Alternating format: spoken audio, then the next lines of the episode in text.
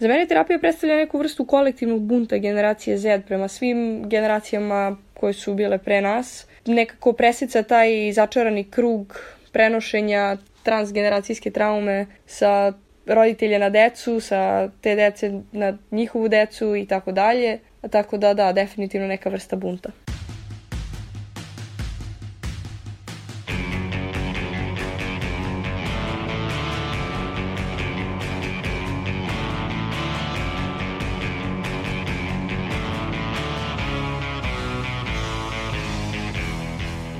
10. oktobra obeležava Svetski dan mentalnog zdravlja, u ovoj epizodi podcasta Reago i bavimo se baš ovom temom, ali i tabuima koji je prate. Pitamo stručnjake koliko su takvi tabuji rasprostranjeni, kako utiču na ljude i na koji način se možemo izboriti sa njima. Da li je psihoterapija stvarno vrsta bunta kao što smo na samom početku ove 72. epizode čuli od naše sagovornice? i kako ostali ljudi sa kojima smo razgovarali doživljavaju terapiju. Slušate podcast Reagu i nezavisnog društva novinara Vojvodine. Moje ime je Iva Gajić, a na podcastu rade i Sanja Kosović, Nemanja Stevanović, Irena Čučković i Sanja Đorđević. Za početak, kolega Nemanja Stevanović istraživao je koji su to najčešći mitovi u vezi sa mentalnim zdravljem. Nemanja, šta si saznao? Prema podacima Svetske zdravstvene organizacije, navodi BBC na srpskom, u Srbiji 5% populacije pati od depresije, inače drugog uzroka smrtnosti među mladima od 15 do 25 godina. Međutim, iako su mentalni problemi žarište, neretko se javljaju mitovi koji su u vezi sa mentalnim zdravljem. Neke od tih mitova pokušali smo da pronađemo. Portal Medic.rs navodi 11 mitova u vezi sa mentalnim zdravljem. Prvi mit navode jeste da su problemi sa mentalnim zdravljem redki. Ipak, pozivajući se na podatke Svetske zdravstvene organizacije, oko 450 miliona ljudi ima neki problem i zato ova organizacija navodi da su mentalni poremećaji među vodećim uzorcima lošeg zdravlja i invaliditeta širom sveta. Sledeći mit koji portal Medic.rs navodi jeste da su osobe sa problemima sa mentalnim zdravljem radno nesposobni – Međutim, istraživanje u Sjedinjenim američkim državama koje je sprovedeno tokom 2009. i 2010. godine pokazalo je da petina radnika i radnica starijih od 50 godina ima neke oblike poremećaja mentalnog zdravlja, ali da su i tekako sposobni za rad, naravno ako se izuzmu teški oblici. Jedan od mitova je i da su problemi sa mentalnim zdravljem znaci slabosti, a drugi da ljudima koji imaju prijatelje ne treba psihoterapeut. Mit koji navodi ovaj portal jeste i da su problemi sa mentalnim zdravljem trajni, što nije tačno, kao ni da su sve osobe sa mentalnim problemima nasilni prema drugima ili prema sebi. Kao što smo čuli, neki od tabua o mentalnom zdravlju vezani su za odlazak na psihoterapiju. Kako objašnjava Jovan Grubić iz Centra za razvoj i rast ljudskog potencijala u Buntu, psihoterapija je namenjena svima, tinejdžerima, mladima, studentima, starima, ali je važno i pitanje kome je ona zaista potrebna. Terapija je potrebna ljudima koji imaju poteškoće sa adaptacijom i sa, i sa sigurnošću. Znači, to su ljudi koji imaju depresiju, koji imaju anksioznost, koji imaju panične napade ili pak možda neka osoba koja ima problema na poslu, ima problema u porodici ili ima problema na fakultetu. To takođe može biti neka osoba koja želi da radi na svojoj asertivnosti, koja želi da radi na odnosima sa bliskim osobama ili ima problema sa stresom. Sve su to problematike koje se obrađuju na psihoterapiji. Naš sagovornik naglašava i da je svaka terapija posebna zato što svaki čovek ima drugačije potrebe. Isto tako, ljudi se u različito vreme mogu javiti na psihoterapiju. Jer vidite, ukoliko ubacite u sobu 30 ljudi i date im zadatak da urade nešto, imate osobe koje će uraditi taj zadatak na vreme, imate osobe koje će zakasniti. Nešto slično je sa terapijom. Ukoliko ljudi osete određene simptome, neki ljudi će se javiti na početku, a neki će čekati do granice izdrživosti. Grubić objašnjava da je i pandemija koronavirusa uticala na mentalno zdravlje ljudi, pre svega kada govorimo o anksioznosti i stresu. Šta utiče na anksioznost i na taj stres? Utiču ta neodgovorena pitanja, koliko će zaista da traje, koje su posledice, koje će biti posledice za pet godina. Ono što utiče još dodatno na stres jeste pitanje koje je sad aktualno, da li se vakcinisati, da li se ne vakcinisati, koje su posledice tu. Sve to utiče na stres, a stres utiče na nervni sistem. Sve što utiče na nervni sistem dolazi do problema sa mentalnim zdravljem. Međutim, ni pandemija koronavirusa nije jednako utjecala na sve. Naučna saradnica na oceku za psihologiju Filozofskog fakulteta u Novom Sadu, Milica Lazić, objašnjava da je tokom vanrednog stanja 2020. godine na Filozofskom fakultetu u Novom Sadu sprovedeno istraživanje o tome kako su se anketirani osjećali u različitom periodu vanrednog stanja. Kako Lazić kaže, rezultati su bili drugačiji od očekivanog. Četiri petine ljudi se dobro adoptiralo na novo nastalu situaciju. Mi smo sproveli jedno istraživanje na Filozofskom fakultetu i imali smo uzorak od oko 6000 ljudi koji su u različitim nedeljama tokom karantina popunjavali mere, e, različite mere i anksioznosti i depresivnosti i subjektivno blagostanje kako bismo stvari pratili njihove reakcije kroz vreme. Jer nas je upravo to zanimalo šta se dešava kroz vreme sa, sa njihovim mentalnim zdravljem. I e, tu su bile znači četiri merenja tokom e, aprila meseca i jedno merenje nakon ukidanja karantina. Ono što smo dobili jeste da se suprotno očekivanjima veliki procenat, odnosno oko 80% njih u stvari dobro adaptirao čak i ako su bili zatvoreni, e, nastali ili su dobro da funkcionišu, imali su, malo su patili, možemo da tako kažemo, i na neki način su se snašli u toj situaciji a jedan manji procenat njih, odnosno između 3 i 4%, je pokazivao onako patnju kroz sva ta merenja, odnosno pokazivao je na neki način narušeno mentalno zdravlje tokom tog cijelog meseca koliko smo merili. Određeni procenat njih, odnosno oko 7-8% njih je prvo reagovalo loše, a kasnije se oporavilo, da tako kažem, kasnije se adaptiralo, dok jedan određeni procenat njih vremenom je bivalo sve lošije. I što su naši rezultati pokazali, to su oni koji su imali najmanje poverenja u institucije i u odluke, u zdravstveni sistem i tako dalje. Lazić naglašava da, iako se o mentalnom zdravlju govori sve više, ova priča ne dolazi do onih koji tabuiziraju temu mentalnog zdravlja, već samo do ljudi koji su otvoreni ka tome. Ipak, ona naglašava da se sve češće patologiziraju emocije koje je normalno osjećati. Sa jedne strane, ta tema jeste tabu, i e, sa jedne strane mnoge ljudi, naročito starije generacije, imaju veliki otpor prema priči o toj temi, prema podršci, prema bilo čemu, a sa druge strane nekako mi se čini da mi sad stalno, naročito psiholozi, ali i u medijima, stalno bombardujemo ljude sa tom preteranom brigom za mentalno zdravlje. I kao svi su loše i svima je teško tokom pandemije i takve poruke šaljemo. I u stvari jako je teško u ovako malim formatima napraviti granicu između toga da nijedno ni drugo nije u stvari tačno Nije ni tačno da smo svi jako loše, a nisu ni dobri ovi stavovi da njima ne treba nikakva podrška i da u stvari cijele generacije u stvari imaju otpor prema mentalnom zdravlju i jako je teško napraviti tu kao srednju granicu, odnosno nek, naći neku nit da se u stvari ne patologizira ljudsko iskustvo, a da se opet pošalja poruka da je ok naći podršku. I mislim da je u stvari e, ta tema odjednom je usmerena na jednu populaciju koja prati takve sadržaje, gde mi imamo utisak da je sad sve mentalno zdravlje i da smo svi loši loši, da treba da budemo zabrinuti za sve, da u stvari takve poruke uopšte ni ne dopiru do onih do kojih treba da dopru, a to su oni koji imaju otpor ka bilo kakvoj priči o mentalnom zdravlju. Ono kao čini mi se da, da nekako rastu te no, neke nove generacije gde je, na primjer, reč tuga izbačena, nego smo odmah depresivni, gde je reč trema izbačena, pa smo odmah anksiozni, u stvari da postoji neki trend ka patologizaciji emocija u toj nekoj mlađoj Facebook generaciji ili koja god mreža se koristila. Dobro, ovo je možda pogrešno, mlađa Instagram generacija.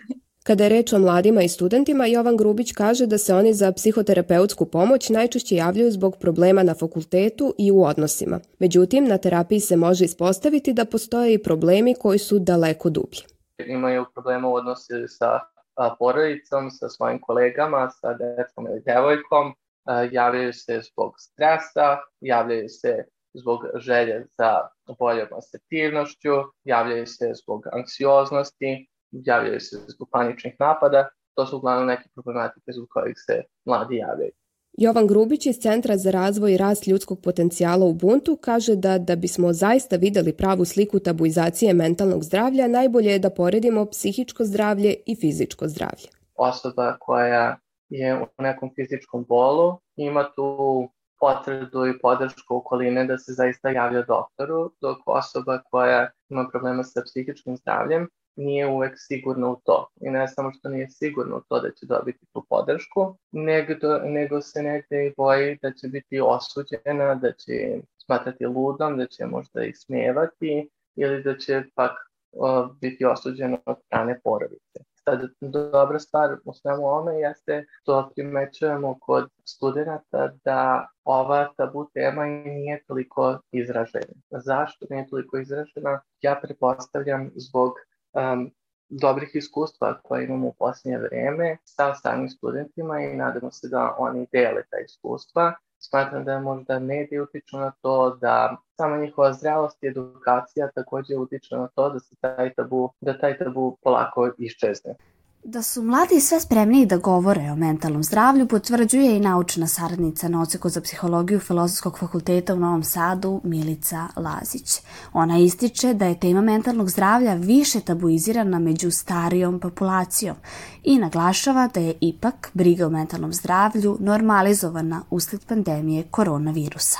Što se tiče samih tih nekih uzrasnih razlika u odnosu prema svom i tuđem mentalnom zdravlju, nekako istraživanja pokazuju da su mladi, naročito oni mladi koji su u procesu sticanja nekog obrazovanja, odnosno obrazovani mladi, spremni da govore o mentalnom zdravlju i da ono više nije toliko škakljiva tema za, za tu populaciju, da se sve češće traži psihološka podrška ili da međusobno u nekim prijateljskim interakcijama sve češće traže neku podršku podršku, socijalnu podršku koja im predstavlja resurs e, u kontekstu mentalnog zdravlja. Sad što se tiče same pandemije, takvih podataka nisam sigurna da ima trenutno, pošto su, iako postoje takva istraživanja, u stvari u toku, odnosno na neki način i dalje traju, kao što traje i sama pandemija, ali mi se čini da ono što je pandemija donela sa sobom jeste i neka normalizacija brige o mentalnom zdravlju, da mnogo više govorimo o mentalnom zdravlju, da smo u stvari usmereni na to da je ovaj kontekst u kom se trenutno nalazimo u stvari stvari da je prirodno da imamo neke emocionalne reakcije na ovakve neizvesne situacije, da u stvari postajemo mnogo manje osuđujući prema našim unutrašnjim stanjima koje su u nekim društvima može smatrati nekom slabošću, odnosno da smo sve više otvoreni ka tome da je u redu da doživljavamo razne vrste emocija kao reakcija na ovako provokativnu situaciju koja u stvari nosi sa sobom, odnosno koja izaziva čitav spektar negativnih emocija u zavisnosti od naravno i ličnih konteksta i u zavisnosti od faze u kojoj se trenutno nalazi. Pandemija je osim opasnosti po zdravlje i straha za bezbednost donela i potpuno izmenjen kontekst obrazovanja, rada, kretanja, okupljanja, ponašanja, života sa porodicom i partnerima. Upravo zbog toga, prošle godine Krovna organizacija mladih uz podršku misije OEPS u Srbiji objavila je istraživanje pod nazivom Život mladih u Srbiji, uticaj COVID-19 pandemije. Njihovo istraživanje je realizovano kroz online upitnik za mlade od 15 do 30 godina. Taj uzorak je stratifikovan na osnovu godina, pola, prebivališta, tipa naselja, nivoa obrazovanja i radnog statusa. Programska koordinatorka Komsaj Anja Jokić za podcast reaguje i kaže da je ideja bila da se mapira uticaj pandemije na mlade, kako tokom samog vanrednog stanja, tako i nakon istog. I to smo mapirali nekoliko oblasti, kao što su zaposlivost mladih, mladih odnosno njihov rad. Mapirali smo takođe i njihovo obrazovanje, ali između ostalog i njihovo zdravlje generalno, uključujući to zdravlje i pa što neko uticaj pandemije na ove oblasti. Anja Jokić kaže da je njihovo istraživanje pokazalo da se mentalno zdravlje mladih u Srbiji pogoršalo tokom pandemije. Ona objašnjava koji razlozi stoje iza takve promene. Postoji više razloga zašto je to bilo tako. Prvenstveno zato što su mladi bili uh, zabrinuti ne samo za sebe, već i uh, bili su zabrinuti za to da se ne zaraze kako ne bi zarazili druge. Čak, čak im je to bila veća boja za nego sami zarazili. Takođe veliki deo mladih je brinuo za svoje zaposlenje, posebno dakle, u toku vanrednog stanja, ali tako nakon njega, odnosno brinuli su uh, za, svoje, za svoje zaposlenje, za svoje poslove, obzirom da je bio njih uh, ostao bez posla ili su privremeno ostali bez posla u toku pandemije, ali takođe mladi nisu bili zadovoljni ni obrazovanjem, isto tako nisu mogli da provode posebno oni koji su u srednje školi, koji su na fakultetu, nisu mogli da provode vrijeme sa svojim vršnjacima, tako izolovanost i nezadovoljstvo celokupnim programom, odnosno načinom na koji su imali pristup obrazovanju doprinalo da se, da se njihovo mentalno zdravlje pogorša. Anja Jokić kaže da, iako su mladi generalno otvoreni, pandemija je ipak doprinela dodatnoj detaboizaciji razgovora o mentalnom zdravlju, te da su oni i sami uzeli ulogu na sebe da promovišu značaj mentalnog zdravlja taj uticaj e, svega što se dešavalo i posebno dakle tog straha, e, bojazni za, za poslove, da negde nezadovoljstvo obrazovnim sistemom u tom momentu i kako je sve to zapravo utic na mentalno zdravlje mladih. E, nije samo strah kao takav, nije samo izolovanost, već i više tih nekih faktora koji zapravo doprinose pogoršanom mentalnom e, zdravlju mladih, i negde njihovoj otvorenosti kao ovoj teme. Mislim da, da su mladi zaista i ranije bili otvoreni, ali posebno e, prošle godine je negde ova tema dodatno dobila na značaju i e, mislim da su onako mladi sami na sebe preuzeli ulogu da, da promovišu značaj mentalnog zdravlja. Što se tiče odlazaka kod psihoterapeuta, Jokić kaže da KOMS takav podatak nema u svom istraživanju. Međutim, iz iskustva KOMSA, ona kaže da je definitivno uočljiva promena po tom pitanju zaista mladi su dosta otvoreni ka temi mentalnog zdravlja, takođe veliki broj njih podržava i, i smatra da mladi treba da e, traže e, stručnu pomoć, e, bilo kod školskih psihologa, bilo u okviru studentskih poliklinika, bilo e, privatno ili državno, e, s tim što ovom slučaju onda bitno naznačiti e, to da takva vrsta usluge se najčešće naplaćuje i košta, pa se negdje postavlja pitanje da li mladi u zavisnosti od toga da li su zaposleni ili ne, e, mogu sebi da obezbede e, da potraže adekvatnu stručnu pomoć, ali svakako da ova tema među mladima više nije tabu i da su ka njoj veoma otvoreni i svesni su značaja i važnosti mentalnog zdravlja. Pitali smo vas u našoj Facebook grupi da li je briga o mentalnom zdravlju tabu. Najviše vas odgovorilo je potvrdno, 21 osoba. 13 vas reklo je da zavisi, dok tek 9 članova naše grupe smatra da mentalna higijena više nije tabu. Pitali smo i mlade ljude koje je njihovo mišljenje o traženju pomoći kada je mentalno zdravlje u pitanju.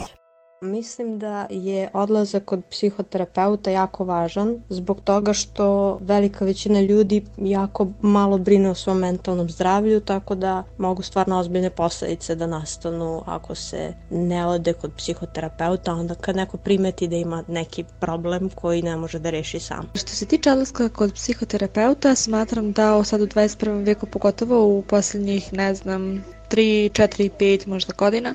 Nije više tabu tema i nije sramota pričati o tome i nije sramota otići kod psihoterapeuta. Mislim da može da pomogne osobi koji zaista treba, to je osoba, osoba koja proceni da treba, a pogotovo ona koja ne, ne proceni da treba, ali ljudi oko nje, jel? procenju da treba? Pa mislim da je to ok kome je potrebno da svakako treba da ode. Međutim, mišljenja su podeljena kada je lični ugao u pitanju, jer neki od naših ispitanika ne veruje da bi im stručna pomoć zaista bila od pomoći. Da se ja nađem u takvoj situaciji, vrlo rado bih potražila pomoć, zato što su oni tu sa razlogom. Što se mene lično tiče, ja ne bih imao problem da kažem nekom od drugara da nešto nije u redu. Što se tiče savjetovanja sa stručnim licem, pre bih nekako pokušao da to rešim sa sobom i u svom krugu ljudi. Ovo, otišao sam jednom i nije mi pomoglo, ali ruku na srce nije to zato što psiholog, psihološkinja nije zbog njene krivice, već prosto da ne može, ne može biti od jedne terapije bolje, jel? Samo se teo da odem da bi rekao sebi, e, imaš problem, treba da se pozabaviš time. A koliko je zapravo tabu otići kod psihoterapeuta, pitali smo naše mlade sagovornike. Sve više ljudi znamo oko mene koji su imali neki problem i posavjetovali su, aj tako da kažemo, stručnu pomoć. Jako je teško u stvari osvestiti to da, je, da ti je potrebna pomoć. Samim tim se i zbog toga ljudi u malom broju javljaju psihoterapeutu, ne samo psihoterapeutu, nego i, i psihologu, psihijatru i svim ostalim. Pa odlazak kod psihoterapeuta ili psihijatra je dugo u našem društvu bio stigmatizovan. E sada mislim da se to polako menja kako dolaze nove generacije i da mlađima nije toliko strano da odu da potraže psihičku pomoć. Pa generalno mlađe generacije, mislim mlađe osobe, a njih jeste sramota zbog, e, da kažem, društva i svega toga da ih ne bi zezali, bla bla bla. A ovako generalno starije osobe nije zato što su zreli i razumu sve to. Tako da, kažem ti, generalno mlađe generacije njih jeste sramota.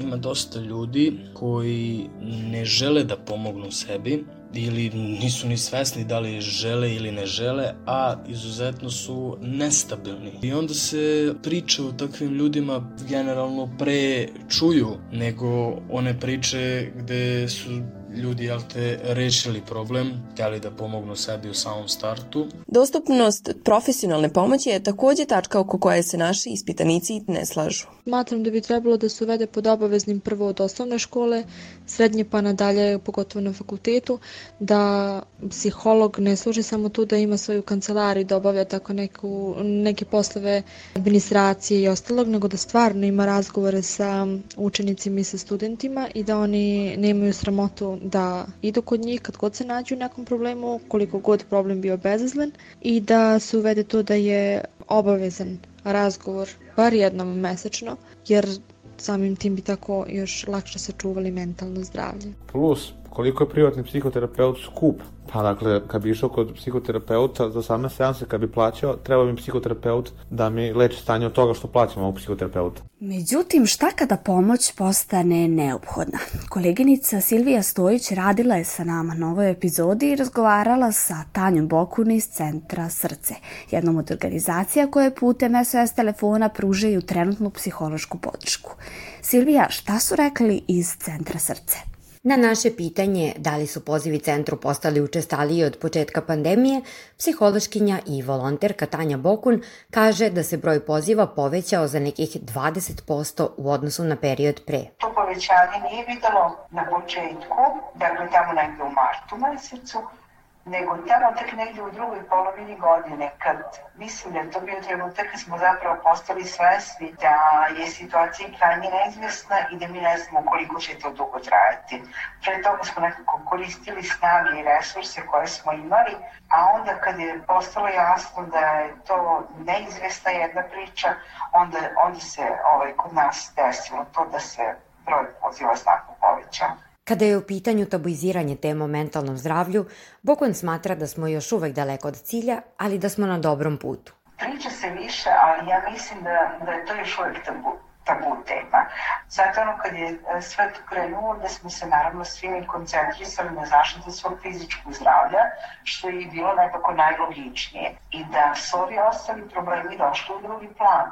Međutim, onda postepeno smo shvatali da to neće biti jedna kratka priča, jedna kratka utakmica, nego da će to duže trajati i što je mnogo značajnije da će se odraziti na razne aspekte našeg mentalnog zdravlja. Biti stalno spreman da se nađeš na usluzi nekome za koga ne znaš kako će reagovati u kojoj situaciji je izuzetno teško, kaže naša sagovornica, te ne treba osuđivati okolinu i članove porodice koji se u jednom trenutku umore, koji ne znaju kako da se nose sa tim i koji sami počinju da osjećaju pojedine poteškoće. Zato cilj treba da bude da se uspostavi lanac podrške, prvo za osobu koja ima probleme, pa onda za njenu porodicu i na kraju za šire okruženje. Sama činjenica da vi nalazite vrlo često na tu vrstu nerazumevanja, neću sigurno ovaj, reći ništa što ljudima je nepoznato, da ne znam, da ćemo depresivnu osobu nazvati lenjivcem ili slabićem ili nekom ko ne razume šta je savremeni život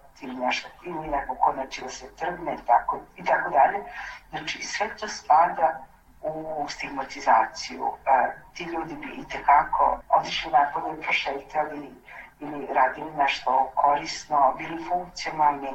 Ne radi se o tome da oni to ne znaju, radi se o tome da oni u tom trenutku nisu sposobni za više od ono što daju. Sama činjenica da mi sada razgovaramo, čak i o temama za koje mislimo da sve znamo, odlična je stvar za savladavanje poteškoća. Savetuje naša sagovornica i dodaje da je bitno da budemo tu jedni za druge kako bi se ta vrsta tereta na neki način podelila. Jedna od najboljih stvari koje možete da učinite za svoje mentalno zdravlje je da brinete o nekom drugom.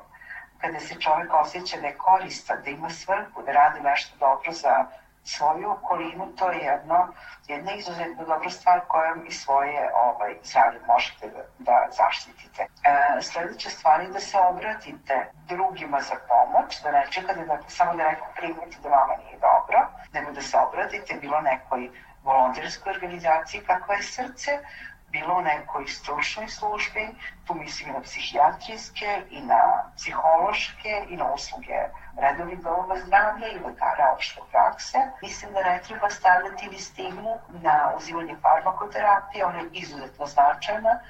Dakle, psihoterapija, farmakoterapija u kombinaciji zaista danas daju izuzetno dobre rezultate. Tako da, znači, kad imate više raspoloživih opcija na raspolaganju, to je vaša šansa da ćete biti u stanju više uradite za svoje mentalno zdravlje. Čuli smo savete Tanje Bokun za bolju brigu o svom mentalnom zdravlju.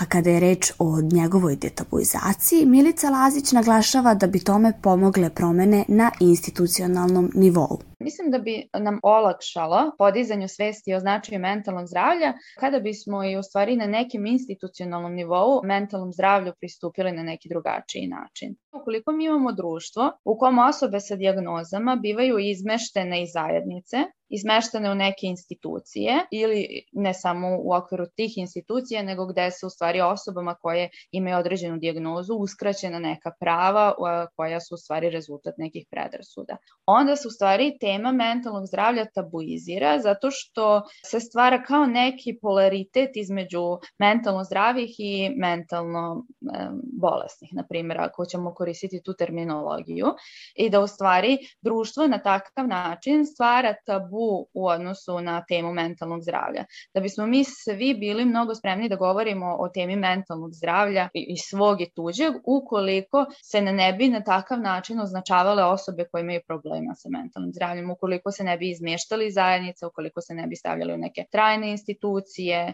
ukoliko bi postao proces deinstitucionalizacije i tako dalje. Sagovornik podcasta Reaguje Jovan Grubić rešenje problema tabuizacije mentalnog zdravlja vidi u otvorenom razgovoru o ovoj temi na svim nivoima društva. Samom pričom o tome i samom saznanjem da je to nešto što je zaista pozitivno i nešto što može zaista da pomogne ljudima i nešto što zaista postoji i tu je, je dovoljna stvar da sam taj tabu polako nestaje. Ono što primećujemo uh, od onoga trenutka kada korona jel, da stupa na scenu, zbog raznih zabrana, zbog izolacije koja se dešava, ljudi nekako ostaju sami sa sobom. I kad ostaju sami sa sobom, hteli oni to ili ne, suočavaju se sa nekim problemima koje nisu ni bili svesni da se nalaze tu. Baš zbog toga počinju da izučavaju više o tome i počinju da slušaju o tome i na kraju može čak i da potraže pomoć. Grubić dodaje i da je pozitivan pomak to što poznate ličnosti koje mogu predstavljati uzore počinju da javno govore o značaju mentalnog zdravlja.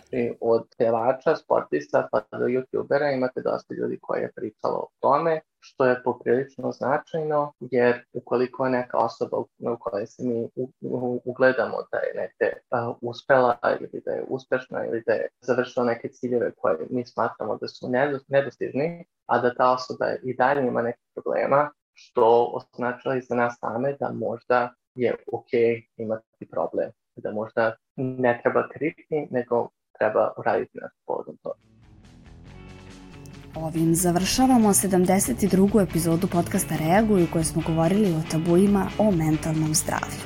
Ukoliko i vi imate neki primer ili problem koji muči vašu zajednicu, pišite nam u Facebook grupi Podcast Reaguj ili na mail podcast.mdnv.org. Slušamo se ponovo uskoro, a do tada ne zaboravite da čekamo na vas, vaše komentare, iskustva i predloge tema koje nam možete slati i na Twitteru i Instagramu gde se nalazimo pod imenom NDNV Media Hub ili na TikToku gde smo pod imenom Reaguj Podcast. Naš rad možete pratiti na kanalima na iTunesu, Stitcheru, Castboxu, Sounderu, Spotifyu, Google podcastima, Deezeru, kao i na sajtu podcast.rs. Ukoliko želite da nas podržite, uradite to baš šerovanjem, komentarom, deljenjem svoje priče ili preko sajta donations.ndnv.org.